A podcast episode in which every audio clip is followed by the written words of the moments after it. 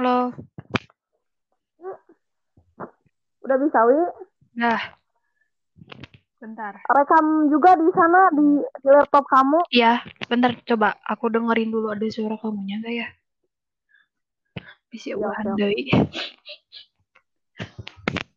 Oh, di hampir 53 menit loh tadi kita ngomong. Hmm. Halo.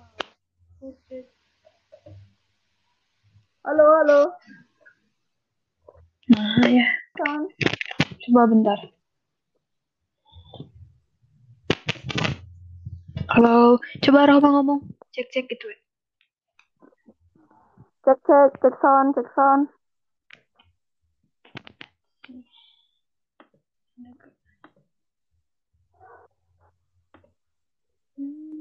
Wi,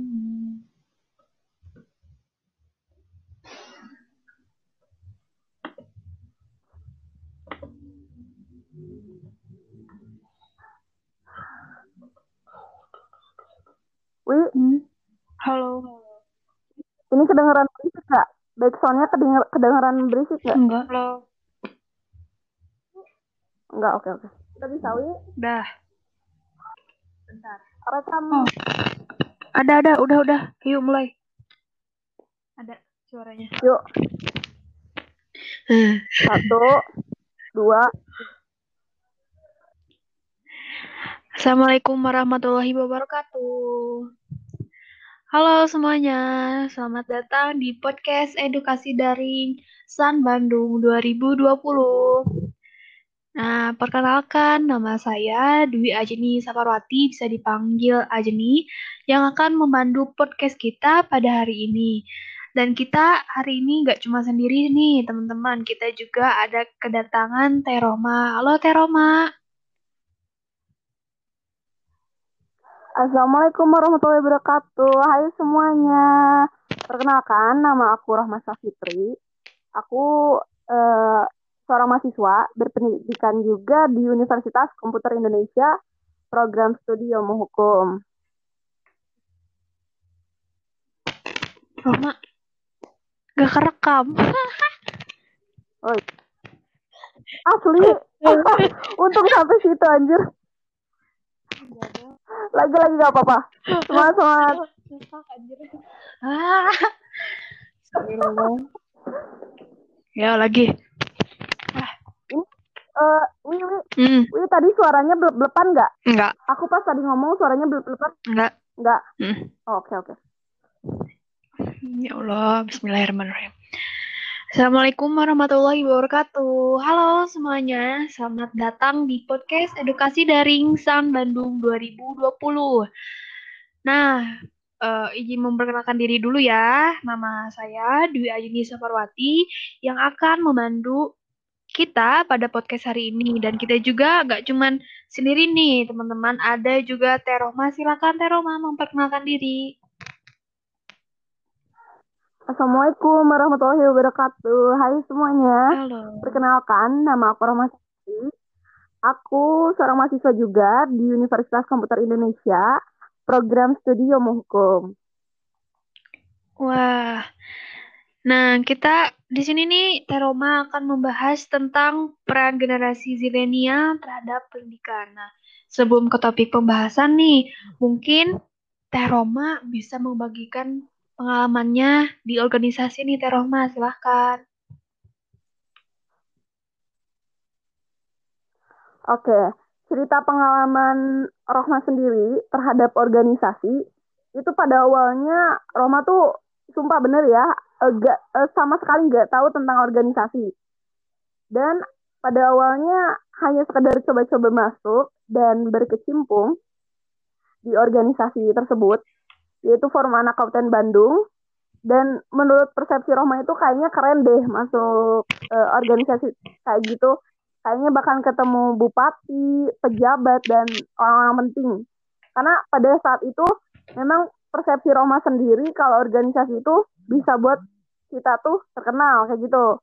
Forum Anak Kabupaten Bandung membahas peran penting pemberdayaan anak dan remaja serta mendeklarasikan kebebasan dalam kekerasan terhadap anak dan remaja. Forum Anak Kabupaten Bandung ini adalah organisasi yang membuat Rohma itu sampai bisa sekarang ini dan menggeluti beberapa organisasi seperti UPJ PUI Jawa Barat, Act for Humanity, Greenpeace, Yetizen, Gerakan Mengajar Desa, dan yang terakhir Senyum Anak Nusantara Chapter Bandung. Wah, Senyum Anak Chapter Nusantara alias San Bandung ini ya, Teh Roma ya? Iya dong. Banyak banget ya Teh Roma nih pengalaman organisasinya. Nah, mungkin selain dari pengalaman organisasi sendiri nih, untuk teman-teman yang mendengarkan juga uh, bisa menjadi inspirasi bagi kita. Uh, Teh Roma nih, uh, prestasi apa aja sih yang pernah Teh Roma raih? Mungkin bisa berbagi untuk para pendengar podcast kita. Silahkan Teh. Ya, semoga yang mendengarkan podcast ini semakin semangat dan semakin menambah, menambahkan sense of happiness buat kalian. Uh, Alhamdulillah prestasi yang aku raih selama ini ada beberapa salah satunya uh, yang pertama juara tiga lomba baca puisi antar sekolah, juara 3 taekwondo, under 52 kg, geologi putri, tingkat Kabupaten Bandung, juara 3 menulis novel literasi di Perpustakaan Kabupaten Bandung, tingkat Kabupaten Bandung, dan yang terakhir, pengangkatan Duta Anak Peduli Hukum dan HAM. Wah, selain pengalaman ya, Teroma yang banyak ya di bidang organisasi, alhamdulillah nih Teroma juga banyak mempunyai prestasi ya Teh ya. Nah, uh, sesuai dengan uh, topik kita, mungkin nih Teteh kan tadi banyak banget tuh ya uh, mengikuti organisasi. Mungkin di sini teman-teman juga masih ada yang bingung kayak organisasi itu sebenarnya apa dan buat apa nih. Nah, mungkin bisa dijelaskan sendiri nih untuk Teteh organisasi itu uh, menurut Tete itu seperti apa dan esensinya uh, menurut Tete itu apa? Silahkan Teh. Oke, okay. uh, menurut Rohma sendiri, organisasi itu sebuah wadah yang mewadahi kita, para anggotanya, yang bersumber dari masyarakat dan emang khususnya bagi para remaja dan anak-anak seperti kayak kita gitu generasi milenial dan zilenial nih khususnya. Dan tujuan dari organisasi itu tersendiri itu untuk mengeksplorasi dan membebaskan, menyuarakan pendapat serta memberikan manfaat terhadap organisasi tersebut. Baik manfaat kepada organisasi itu tersendiri maupun memberikan manfaat dan dampak kepada masyarakat. Seperti itu. Oh. Oke, Teh. Nah, sekarang kita akan masuk nih teh sedikit ke topik, tapi sebelum masuk ke topik itu, kan di sini kita akan membahas tentang peran generasi zilenial terhadap pendidikan ya.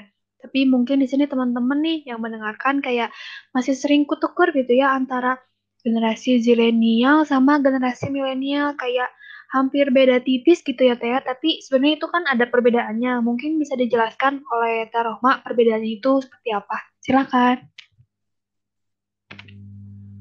Nah, dari sekian banyak orang masih belum paham dan mengerti tentang zilenial.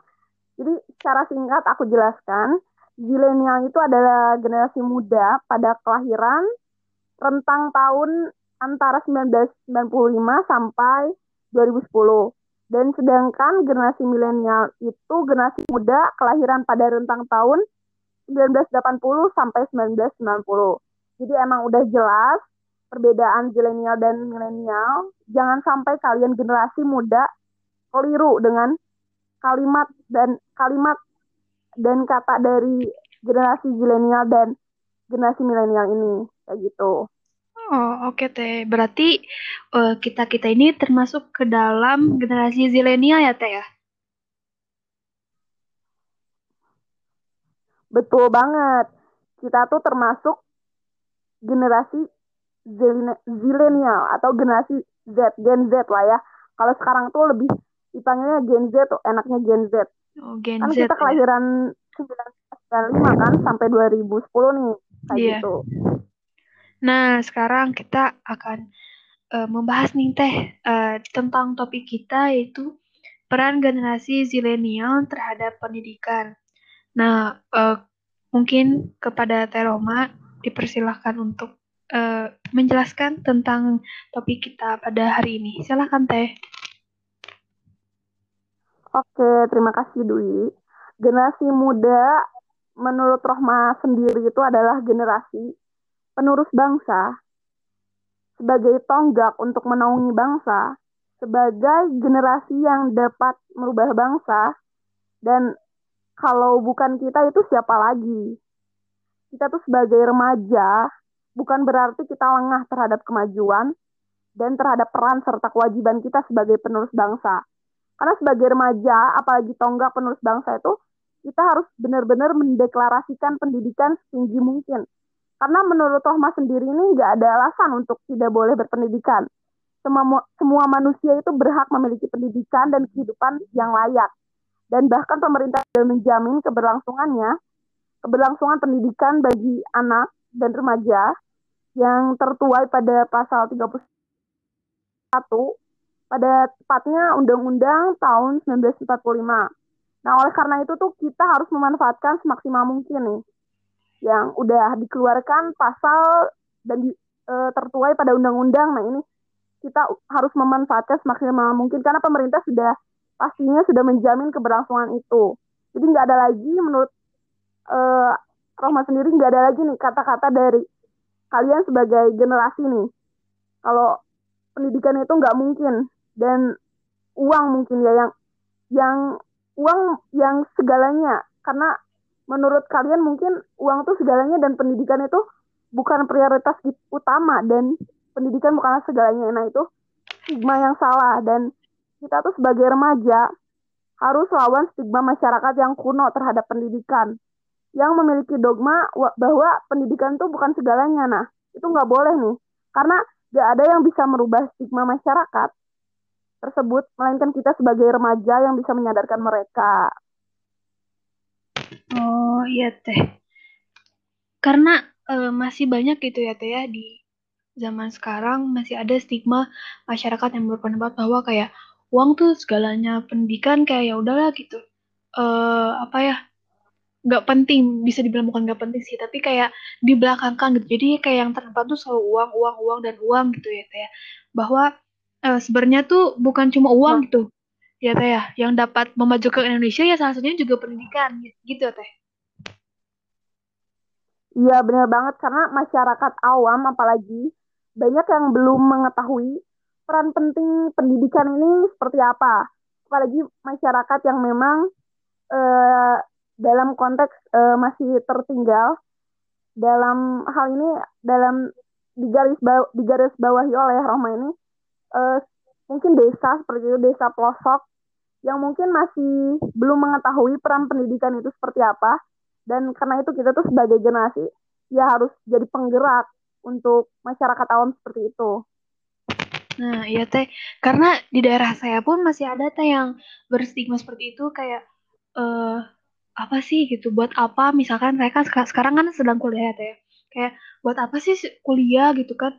Mending ya ya gue mah uang aja gitu daripada pendidikan. Kadang sampai ada mungkin yang uh, lebih mementingkan uang gitu ya daripada untuk melanjutkan sekolahnya. Padahal uh, pendidikan itu sangat penting ya teh ya. Iya benar banget. Selain uang yang merupakan prioritas prioritas utama bagian masyarakat awam ini banyak yang mengesampingkan pendidikan demi memprioritaskan keturunan seperti itu banyak nah, kan iya. anak yang lulusan SMP mungkin lulusan SMP, lulusan SMA seperti kita kita ini yang mau yang harus melanjutkan pendidikan ke universitas malah melanjutkan pendidikan seperti itu. Nah, mungkin kita akan uh, membahas yang selanjutnya nih kan tadi sedikit membahas tentang kayak generasi zilenial tuh sebenarnya kayak gimana. Nah, mungkin uh, menurut uh, nih, bagaimana sih peran generasi muda atau generasi Zen atau eh Z ya atau generasi zilenial sekarang itu dalam berkontribusi dan mengabdi kepada masyarakat. Eh, menurut Teteh sendiri gimana nih, khususnya di dalam bidang pendidikan?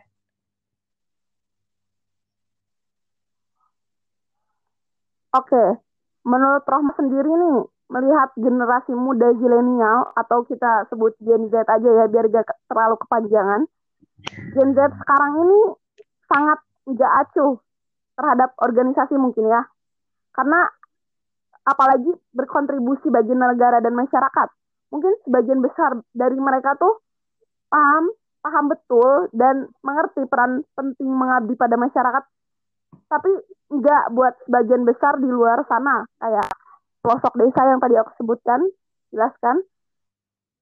Tinggal mungkin belum paham betul pendidikan apalagi kayak gitu. Jadi masyarakat yang awam terhadap pendidikan ini nggak tahu pendidikan apa, perannya apa, dan peran organisasi pun apa gitu. Jadi Rohma sendiri ingin melihat generasi sekarang itu sedikit peka setidaknya dan tertarik terhadap organisasi serta pengabdian pada masyarakat. Dan memang perlu penggerak dan pemberi motivasi untuk mereka tuh agar mau bergerak dalam berkontribusi besar dalam masyarakat mungkin berupa bentuk volunteer, relawan ataupun pengabdian eh, mengajar ke desa-desa seperti itu. Oh, jadi mungkin itu ya Teh salah satu uh, urgensi ya dari urgensi atau esensi dari organisasi karena sebenarnya banyak juga loh gitu ya manfaat dalam mengikuti organisasi seperti yang Teh Roma lakukan ini ya. Iya betul banget. Aku tujuan organisasi awalnya emang nggak tahu. Asal kalian tahu ya para generasi zilenial dan milenial yang mendengarkan podcast ini. Asalnya aku nggak tahu dan aku nggak tertarik organisasi. Tapi sekali lagi, aku punya prinsip dalam hidup. Untuk apa aku dihidupkan oleh Allah, oleh Tuhan kita nih, yang Maha Esa, Tuhan semesta alam. Untuk apa kita di lahirkan di dunia kita tuh nggak memberikan manfaat. Karena pada dasar Ki Hajar Dewantara juga pernah menggelorakan pernyataan bahwa sebaik-baiknya manusia itu yaitu manusia yang dapat memberikan manfaat bagi sesamanya.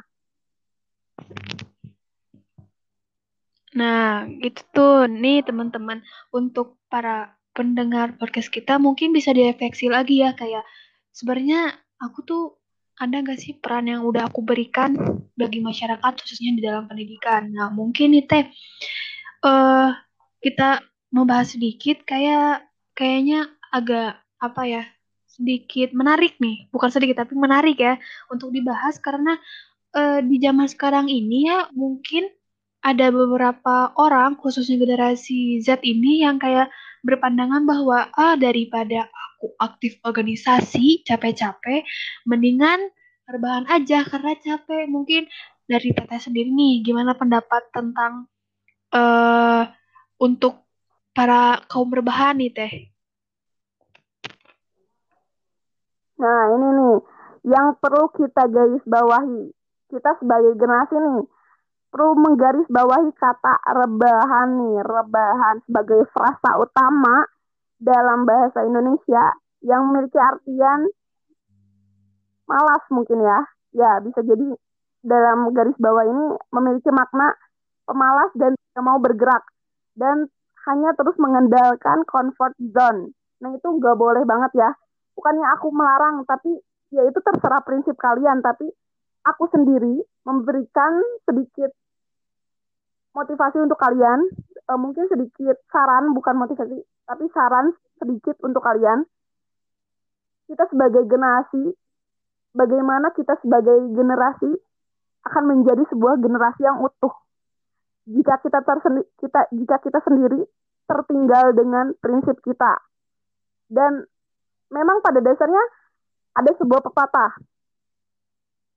E, jika ingin menghancurkan negara itu tersendiri, hancurkanlah generasi mudanya. Nah itu tuh merupakan hal yang sangat kita pelopor itu. Kata generasi ini yang harus kita garis bawahi dan kita deklarasikan. apa peran generasi muda sekarang, apa kontribusi yang sudah kalian lakukan. Nah, itu da dari sekian juta orang yang belum mengetahui peran generasi ini, setidaknya kalau udah mendengarkan podcast ini, kalian lebih tergerak lah dan memberikan sense of happiness buat kalian. Setidaknya sedikit saja setidaknya menggerakkan hati kalian untuk mau lebih maju lah, memiliki orientasi ke depan dan mengesampingkan prinsip-prinsip yang memang kalian tahan. Misalkan ya udahlah aku lagian ini lagi pandemi corona mana mungkin aku bisa kuliah aktif aku organisasi aja eh, gak aktif gitu. Apalagi untuk pendidikan ini kayak gini uh, ya udah tugas mah bakalan terus aku kerjain. Nah memang memang betul tugas kuliah atau tugas sekolah apa pun kita perlu uh, apa ya perlu mengejar menge, mengejar nilai akademis tapi bukan berarti kita mengesampingkan nilai sosial. Dan bukan berarti kita lebih mengunggulkan kata atau frasa yang tadi aku sebutkan frasa rebahan itu tuh. Itu yang memang harus kita rubah tuh. Kita sebagai generasi muda harus bawa revolusi harus jauhkanlah kata-kata rebahan itu. Kalau rebahan sekali-sekali ya boleh mungkin, tapi ya nggak boleh juga kalau keseringan. Kayak gitu sih. Nah, ini untuk para pendengar podcast edukasi dari Insan Bandung 2020 mungkin bisa dijadikan masukan ya. Kembali lagi saya tanyakan nih, apa sih peran kalian yang kalian berikan untuk masyarakat, untuk Indonesia khususnya di dalam pendidikan. Nah, mungkin membahas sedikit tentang tadi Teteh kan singgung di masa pandemi seperti ini ya. Kayak ah ya udah gitu kan uh, rebahan aja atau apa. Nah, mungkin nih Teh uh, kan sekarang banyak gitu ya teknologi-teknologi yang berkembang. Mungkin untuk generasi zilenial ini kan bisa juga gitu berkreasi dan memberikan uh, apa ya uh, perannya gitu lewat eh, teknologi-teknologi ya Teh ya. Mungkin seperti itu. Iya, bisa jadi ya. Uh, bukan bisa jadi tapi memang bener bener bener yang harus kita lakukan di masa pandemi ini apalagi kita sebagai generasi itu gak mau dong kalau kita tuh monoton kan, gak memberikan dampak apa pun dan gak memberikan manfaat apa pun untuk setidaknya untuk keluarga kita, kita nggak mau kan kita sebagai generasi muda ini jadi monoton. Ya kita manfaatkan teknologi dengan sebaiknya sebaik-baiknya.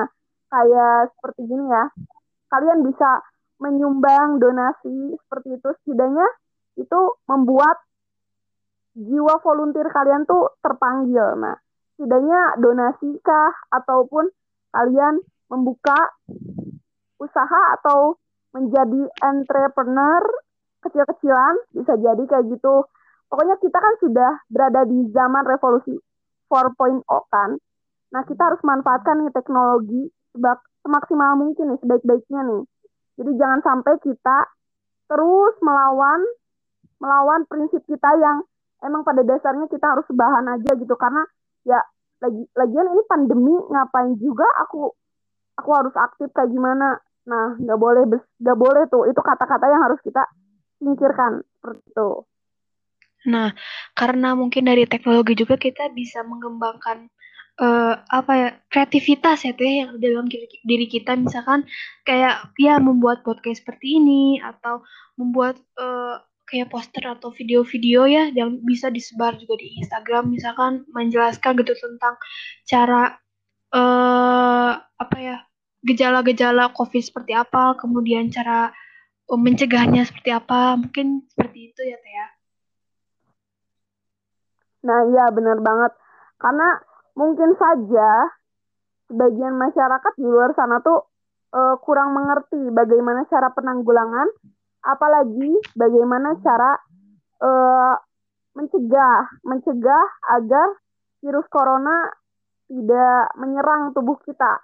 Nah, kita kan sebagai uh, generasi muda nih, kita kan udah tahu nih teknologi ya. Nah, setidaknya manfaatkan teknologi itu untuk, benar kata Dwi itu, untuk menyebarkan hal-hal yang positif dan membawa manfaat seperti uh, membuat podcast agar memotivasi generasi yang lainnya, ataupun memberikan manfaat ataupun solusi ataupun pencegahan untuk virus virus COVID-19 ini ya bisa jadi seperti itu.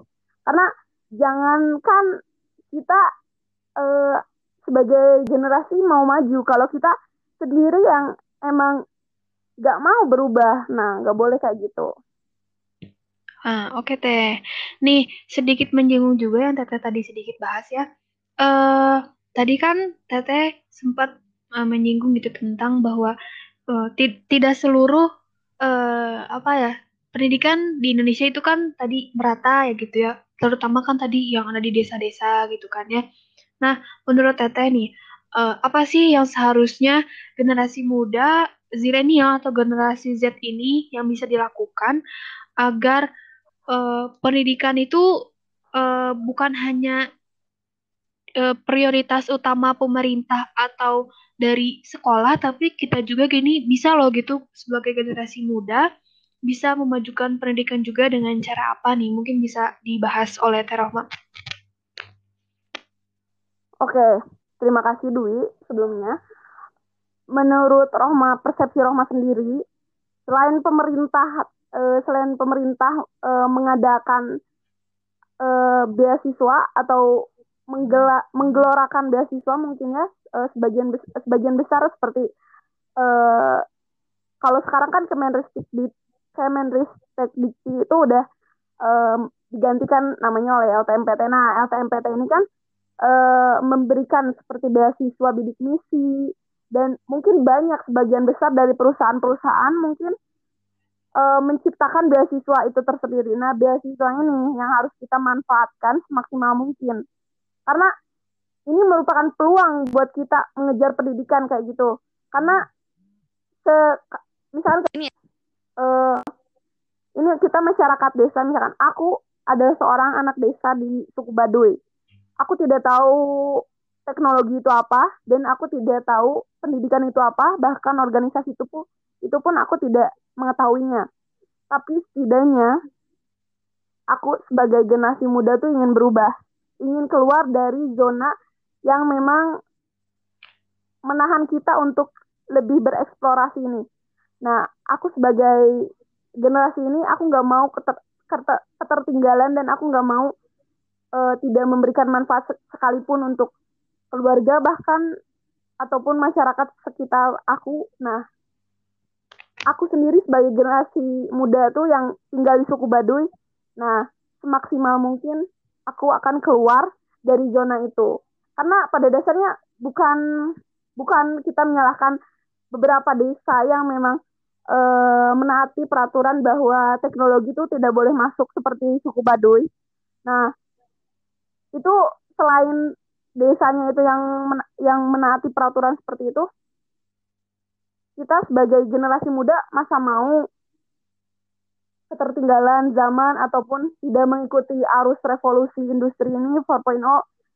Nah, keluarlah dari zona nyaman ini generasi. Setidaknya karena banyak sekarang tuh volunteer-volunteer tuh masuk ke suku-suku Baduy dan daerah-daerah hmm. pelosok yeah, untuk mengajarkan untuk uh, mengedukasi kepada mereka anak-anak yang memang untuk membaca saja dan hitung itu masih kesulitan.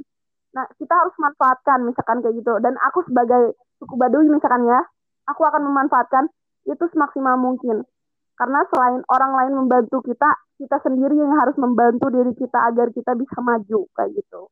Nah, nih untuk teman-teman podcast edukasi daring San Bandung 2020 bisa uh, diingat kembali ya. Kembali akan saya pertanyakan nih, apa peran kalian untuk masyarakat di sekitar kalian khususnya dalam bidang pendidikan karena uh, di masa sekarang kan kayak pendidikan itu kurang merata tapi bisa diingat lagi dari kalian pun bisa gitu untuk uh, memberikan peran khususnya dalam bidang pendidikan untuk masyarakat di sekitar kalian gitu ya Teh ya. Nah, nah benar banget. untuk yang terakhir nih Teh, uh, kira-kira uh, apa sih uh, motivasi yang akan Teteh sampaikan untuk generasi zilenial sekarang Teh? Silakan Teh. Oke. Motivasi dari aku yang setidaknya memberikan kalian pencerahan dan memberikan hati kalian sedikit tergerak oleh motivasi yang aku berikan. Semoga aku dapat selalu menebarkan manfaat dan dampak positif bagi kalian. Semangat terus untuk para generasi muda yang sedang mengejar cita-cita, bahkan pendidikan tinggi mungkin.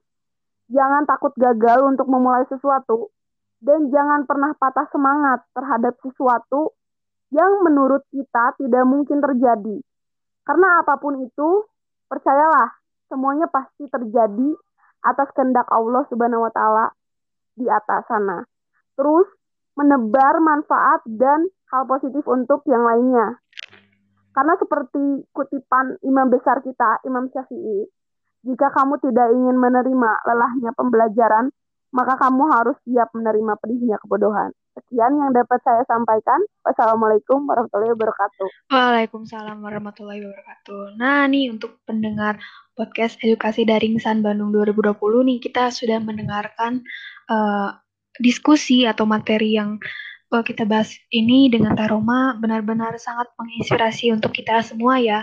Nih sebelum kita akhiri, mungkin dari para pendengar podcast juga bisa membuka Instagram San Bandung 2020 karena di situ banyak informasi informasi-informasi yang bisa kalian dapatkan uh, mengenai berita-berita uh, apa ya yang unik, bukan unik, yang menarik untuk dibahas seperti uh, COVID-19 itu apa, bagaimana gejalanya dan lain sebagainya. Juga uh, kita di sini membuka uh, donasi uh, ekspedisi Seribu Senyum Nusantara. Donasinya itu dapat berupa buku, uang, pakaian layak, dan sembako dan donasi ini akan disalurkan ke panti asuhan yatim piatu hikmah mufakir istiqomah mungkin lebih lanjutnya nanti bisa dicek di Instagram San Bandung 2020 ya teman-teman pendengar. Ini terima kasih untuk Teroma yang telah membagikan pengalamannya ya. Mudah-mudahan sangat bermanfaat. Ya, terima kasih juga. Makasih juga udah diundang di podcast kalian. Oke, uh, semoga bermanfaat ya teman-teman yang mendengarkan dan dijadikan motivasi untuk kalian semua. Kita akhiri podcast ini. Sampai berjumpa di podcast selanjutnya. Wassalamualaikum warahmatullahi wabarakatuh.